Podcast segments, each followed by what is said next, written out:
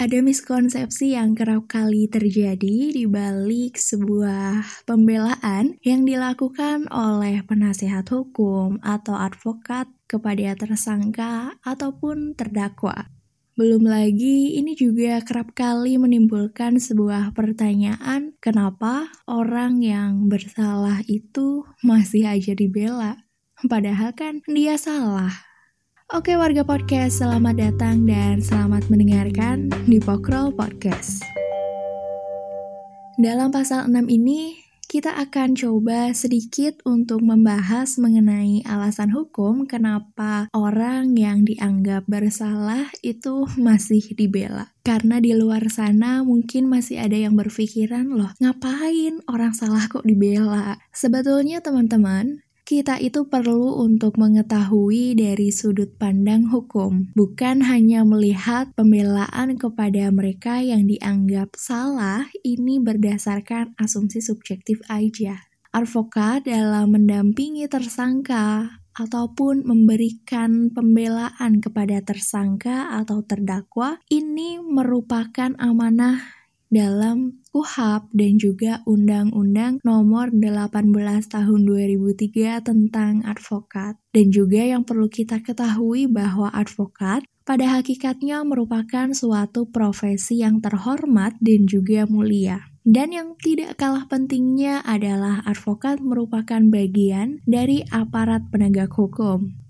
pembelaan, pendampingan yang dilakukan oleh advokat itu dilakukan bukan untuk membela kesalahan, bukan juga untuk membebaskan tersangka ataupun terdakwa, dan semua ini dilakukan adalah untuk membela hak-hak mereka sebagai tersangka maupun sebagai terdakwa yang tentunya ini juga diatur di dalam peraturan perundang-undangan. Salah satunya adalah berhak untuk didampingi oleh advokat pada setiap tingkat pemeriksaan. Ini diatur di dalam beberapa pasal, misalnya dalam pasal 54, pasal 55, pasal 56, junto pasal 114 KUHAP, Kitab Undang-Undang Hukum Acara Pidana.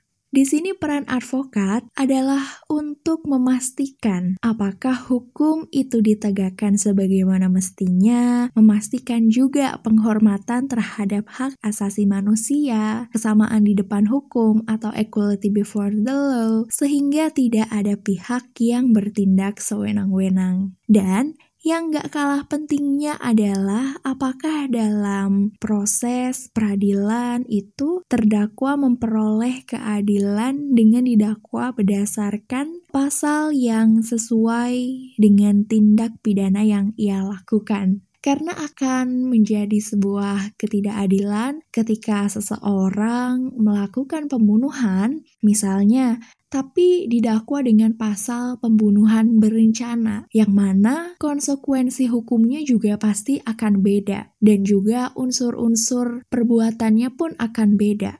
Selain itu, juga karena adanya asas praduga tidak bersalah atau presumption of innocence yaitu seseorang dianggap tidak bersalah kecuali berdasarkan putusan pengadilan yang telah memiliki kekuatan hukum tetap atau inkrah. Artinya bahwa setiap orang yang disangka, baik itu ditangkap atau ditahan atau juga dituntut, bahkan dihadapkan di depan pengadilan, itu wajib dianggap tidak bersalah Meskipun misalnya dia benar-benar melakukan kejahatan, dia baru dapat dikatakan bersalah adalah ketika hakim memutuskan dia bersalah. Sederhananya adalah ketika hakim udah ketok palu menyatakan dia bersalah.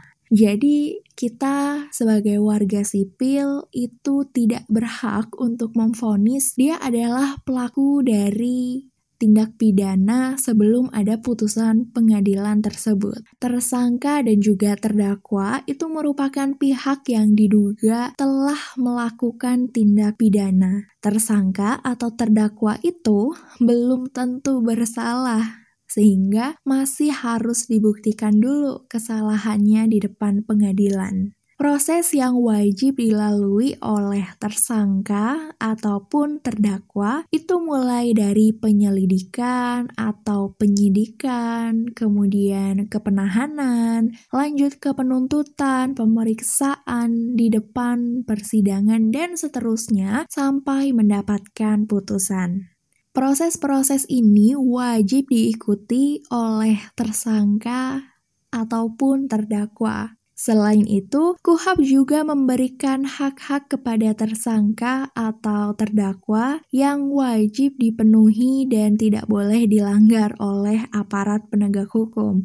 Jadi hak yang dimiliki oleh tersangka, hak yang dimiliki oleh terdakwa yang diberikan oleh KUHAP ini harus dihormati oleh semua pihak tanpa terkecuali. Dan terima kasih banyak untuk kamu yang udah mendengarkan Pokrol Podcast. Jangan lupa untuk bahagia dan aku berharap kamu selalu dalam keadaan yang baik-baik aja. Kalau kamu kurang puas dengan substansi dari pasal 6 Pokrol Podcast ini, di luar sana banyak banget informasi hukum yang bisa kamu gali, banyak banget media yang menyajikan edukasi tentang hukum, bahkan yang bersifat komprehensif langsung dari ahlinya.